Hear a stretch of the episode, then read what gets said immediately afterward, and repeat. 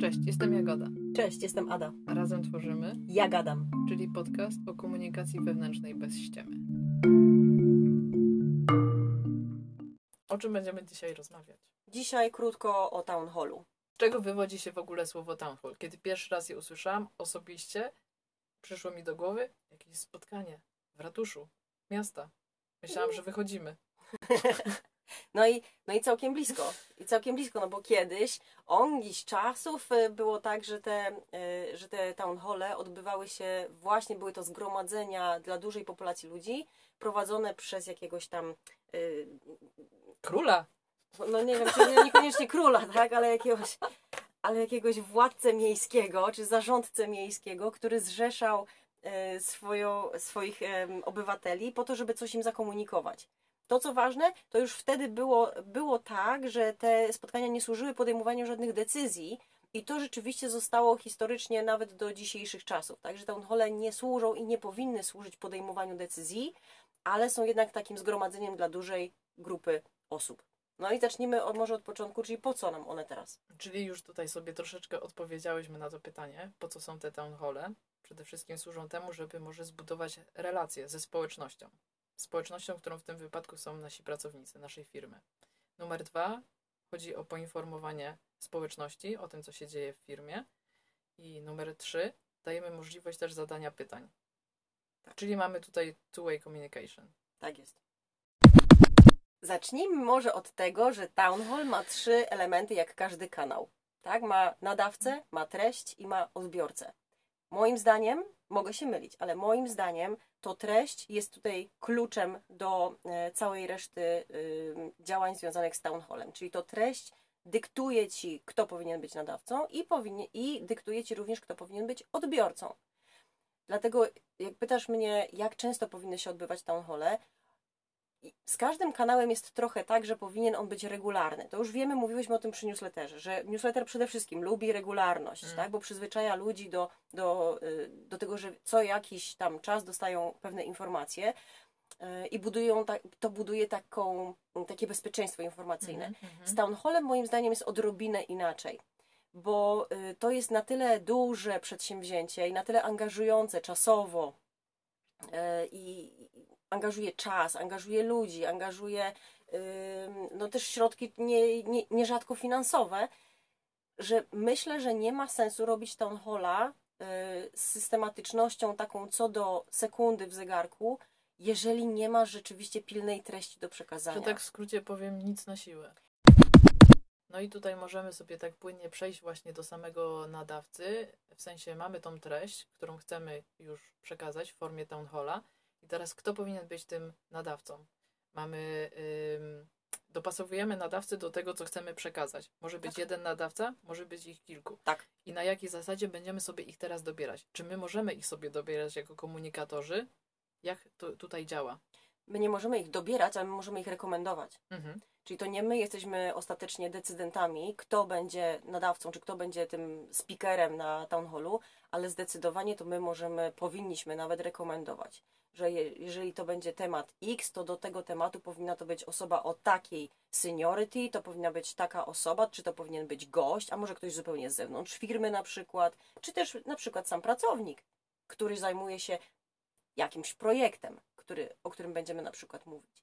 Tak więc y, ty nie decydujesz, ale ty rekomendujesz zdecydowanie tak. Mhm. Dobra. Tu jest duża praca taka logistyczna, projektowa po twojej stronie jako komunikatora, żeby się skomunikować z tymi wszystkimi, dogadać po prostu z tymi wszystkimi potencjalnymi prezenterami, speakerami, panelistami, zwał jak zwał, ale ich poinformować o tym, że słuchajcie, mamy ten town hall, to są tematy, które będziemy pokrywać. Czy ty jesteś w stanie to zrobić? Jesteś w stanie nas wesprzeć? Jeżeli tak, jakich do tego narzędzi potrzebujesz? Czy masz do tego prezentację? Czy potrzebujesz wsparcia w przygotowaniu prezentacji? A może nie chcesz w ogóle robić prezentacji, będziesz po prostu mówił?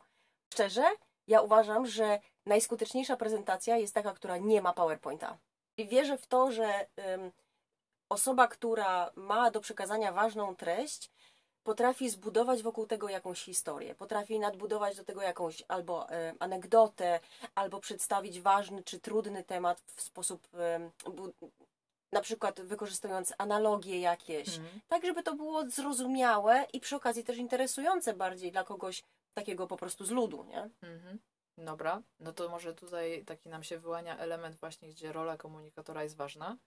E, Jeżeli mamy takiego nadawcę, osobę, która będzie prezentować i wiemy, że być może w przeszłości miała z tym problem, to co robimy z takim fantem? No, Oprócz dry run, no dry run, dry Coachujmy run, go, tak, go, coachujmy go. podpowiadajmy tą treść, Nie tyle treść możesz podpowiedzieć, co No sposób nie, jego treść. i przekazania. formę, tak? Możemy Mhm. dobudować do tego coś, Tak. To jest, podsunąć nowy fakt. to jest trudny temat. To jest trudny temat, bo ten, ta twoja rola jako coacha trochę w, komunika- w byciu komunikatorem, no jest taka, potrafi być niebezpieczna i wymaga trochę odwagi od ciebie, nie? No bo ty musisz pójść teraz do tego kogoś, kto jest tak super gdzieś tam senior w firmie i, i, i powiedzieć mu to trzeba też zrobić bardzo umiejętnie. Jeżeli już jesteś starą wygą i ty znasz już tych wszystkich liderów, to oni pewnie będą wiedzieli, że mogą na przykład liczyć na twoje wsparcie, albo że ty im pomożesz dobudować jakieś, czy, czy slajd, czy jakąś właśnie historię. Ale jeżeli jesteś, wiesz, w miarę świeżynka w firmie, no to teraz jak do tego podejść? No, trzeba żeby to tak zrobić delikatnie. No, tak, Trzeba tak, to tak. zrobić delikatnie. Mamy naszego odbiorcę. Powinniśmy wiedzieć, do kogo kierujemy nasz y, town hall. Czy będzie to całość firmy, e, czy będzie to część, czyli na przykład jakaś konkretna linia biznesowa, Mhm. czy tutaj będziemy jeszcze inaczej podchodzić do tego tematu. I teraz tak, mając odbiorcę, zaczynamy mówić, w jaki sposób przekazujemy ten komunikat o samym town hallu, że spotkanie się odbędzie.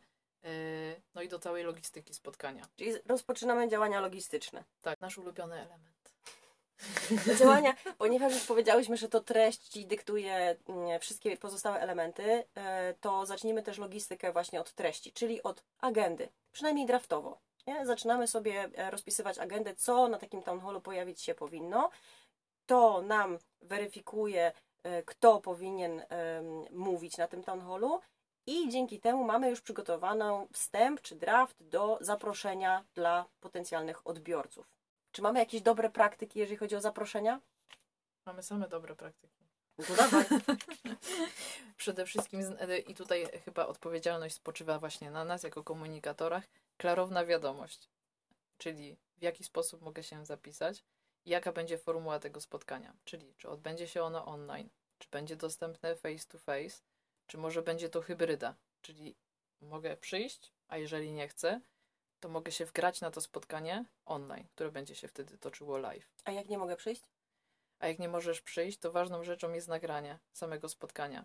Jak dla mnie każde spotkanie powinno być nagrywane, musimy dać ludziom szansę, żeby oni też mogli zobaczyć to spotkanie. A jak mi się nie chce później- sposób. A jak mi się nie chce później przesłuchiwać całego spotkania, to co? To możesz przeczytać. Powinno się pojawić streszczenie takiego spotkania. W jaki sposób my już to zrobimy? Czy to będą po prostu jakieś bullet points, czy to będzie jakiś artykuł, forma bloga, whatever. Streszczenie powinno się gdzieś pojawić. A z jakim wyprzedzeniem powinniśmy wy- wysyłać zaproszenia? Pytasz mnie o konkretny pewnie termin. W przybliżeniu. w przybliżeniu. Nie wiem, ja bym się czuła jakoś tak komfortowo, jak minimum na dwa tygodnie przed dostałabym wiadomość, a później taki jeszcze jeden reinforcement, przy, przypomnienie, Tak. reminder, że będzie taki town hall, żeby dać możliwość tym osobom, które po prostu były zajęte. Podchodzimy do tematu po ludzku. Nie każdy czeka na tę naszą wiadomość, że jest ten town hall. Rozmawiałyśmy ostatnio o newsletterach i tutaj to jest świetny sposób na to, żeby y, zacząć te wzmianki. Mhm. I dodatkowo wzmacniać, przypominaj, przypominajki wysyłać o tym, że ten town hall się odbędzie. Czyli według mnie taką najlepszą praktyką jest najpierw informacja do wszystkich, e, czy mailowa, czy przez newslettera. Nie, myślę, że mailowa, że y, słuchajcie, zapraszamy Was na town hall. Półroczny, kwartalny, roczny, zwał jak zwał. E, Tutaj jest link do rejestracji. Zapraszamy do rejestrowania się osoby X i Y. Później masz te dwa tygodnie buforu na to, żeby wzmacniać to jeszcze w newsletterze. Mhm. I myślę, że 2-3 dni przed samym town hallem jeszcze raz warto wysłać osobnego maila na zasadzie jeżeli możesz, to weź udział, tu masz link, zarejestruj się. Nawiązując do tego czasu samego spotkania town halla, musimy jeszcze wziąć jedną ważną rzecz pod uwagę, czyli jeżeli mówimy o odbiorcy globalnym, na przykład, to bierzemy pod uwagę strefy czasowe. Żeby nie było też tak, że wysyłamy, dajmy na to, nie wiem, wiadomość również do regionu APAC, a spotkanie odbywa się o 8 rano w Polsce. No tak trochę nie przejdzie. Nie możemy Tak. się wtedy spodziewać, że te osoby w ogóle będą tą informacją zainteresowane i żebyśmy też nie wywoływali złych emocji y, tą samą naszą wiadomością. Więc No. bierzmy to pod uwagę. Wiemy, też są takie firmy, których po prostu, no choćbyś chciała, no to się nie da wybrać takiego czasu, który będzie odpowiedni dla wszystkich, ale wtedy tutaj mówimy znowu, dajmy możliwość odsłuchania tego spotkania, czyli musimy się zdecydować na ten replay. Mamy tutaj kilka opcji tak naprawdę do, do zrobienia. Z jednej strony, owszem, tak jak mówisz, jeżeli pracownicy są w różnych strefach czasowych, czyli masz pracowników, nie wiem, w Stanach, w Europie, w, w Azji i w Australii, no to nie ma bata. Nie zrobisz jednego czasu, żeby pasował dla wszystkich. W związku z czym... Czyżbyś wtedy- chciała o sesjach wspomnieć? Dlatego tak, ja myślę, że to jest jedna z opcji, tak? Po prostu zrobić e, dwie bliźniacze sesje dla, w, w różnych terminach. No niestety, jakoś, jakoś trzeba z tego wybrnąć. Jeżeli masz tych ludzi troszeczkę bardziej jednak zbliżonych czasowo u siebie, no to wtedy jest Mhm. prościej. E, Jeżeli ma, mówimy tylko o tych trzech głównych strefach, czyli Stany, Europa i Azja, no to najczęściej wówczas wybieramy, e, no dla nas, dla nas na szczęście, wybieramy Na taką szczęście, tak. najbliższą nam Lunchową. strefę, lunchową, bo wtedy to jest wcześnie, ale nie ekstremalnie wcześnie w Stanach Mhm. i późno, ale nie ekstremalnie Tak. późno w Azji. Tak. Więc my jesteśmy tutaj na uprzywilejowanej pozycji, że jesteśmy dokładnie pomiędzy nimi. Ale Dokładnie. jeżeli już mówimy dodatkowo właśnie o Australii, no to, no to, już, to już się nie obejdzie, nie? No to już musisz to podzielić. Tak, tak, dokładnie tak.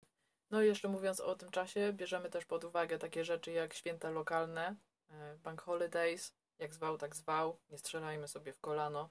Myśmy już wspominały kilkakrotnie o tym, że komunikator jest również odpowiedzialny za kalendarz komunikacyjny i ty musisz mieć taki helikopter view nad tym, co się dzieje w firmie i tu jest dodatkowo właśnie ten e, element dla nas istotny. Czy przypadkiem nie zaplanowałaś tego town halla na przykład na dzień po albo na dzień przed, albo w tym samym dniu, co inny ważny town hall w Hmm. firmie? Tak, dokładnie tak, Bo wtedy kanibali- kanibalizujesz swoje własne e, spotkanie. dokładnie tak. Daję ludziom szansę, żeby mogli zadać pytania, bo po to się, O, przypominam, tak. spotykamy, Dokładnie. żeby usłyszeć ten second point of view. Mamy opcję albo najczęściej jakiegoś dodatkowego czatu, albo czasami mamy jakieś dodatkowe narzędzia, którymi możemy zachęcić ludzi do zadawania pytań, albo prosimy ich o to, żeby e, wrzucali nam pytania zanim, zanim Mhm, się rozpocznie spotkanie, tak? Mhm. Masz czasami opcję Tak, tak, wrzuć ktoś tutaj pytanie, tak, Ja bym albo, powiedziała, ja to nawet bym religijnie robiła, bo to jest zawsze taki fajny element. Nie tylko dlatego, że już wcześniej wyczuwamy klimat, jak to spotkanie może się potoczyć, ale już dla samego, później dla samej organizacji takiego town halla możemy z czymś zacząć. Nie musimy tak, wiesz, jest zawsze ten moment tego town halla, gdzie no to czy macie jakieś pytania i zapada nagle cisza. Mhm. Zawsze brakuje tej jednej osoby, która by wyszła z tym pierwszym pytaniem i odważnie je zadała. I Mhm. to jest taki fajny wstęp, taka rozgrzewka. Nie tylko dla nas, też dla mówcy. Y, Już wcześniej możemy go z tym y, pytaniem jakoś zaznajomić. Już inaczej to spotkanie, ten flow tego spotkania będzie jakoś tak inaczej wyglądał. to nie jest dobrą praktyką, jeżeli nie dajemy ludziom opcji zadania pytania na żywo. Niestety zdarzało mi się, że widziałam takie tam hole, gdzie nie było takich możliwości niestety i mam takie wrażenie, że ludzie czują się wtedy trochę No y, pominięci. No. pominięci, tak.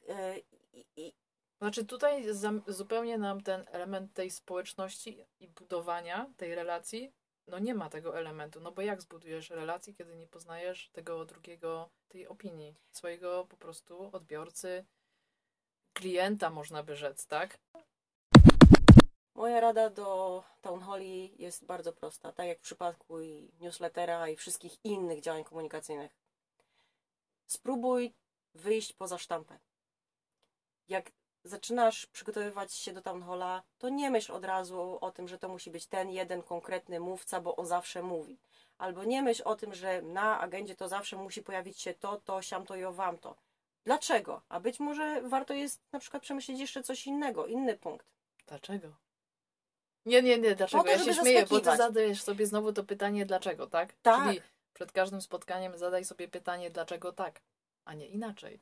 Dlaczego ten odbiorca ma być tym zainteresowany? Dlaczego to jest dla niego ważne? Wracamy do tych naszych znowuż podstawowych pytań. Jak tworzymy plany komunikacji, briefy komunikacyjne, mamy tych pięć podstawowych pytań. Dlaczego? Jak? Kto? Kiedy? Tak? To są wszystkie. I co? To są te najważniejsze pytania i one tutaj też muszą zostać zadane. Jak w przypadku każdego innego kanału, miej oczy, uszy i umysł otwarty. Spróbuj zrobić coś innowacyjnego, spróbuj zrobić coś troszeczkę inaczej.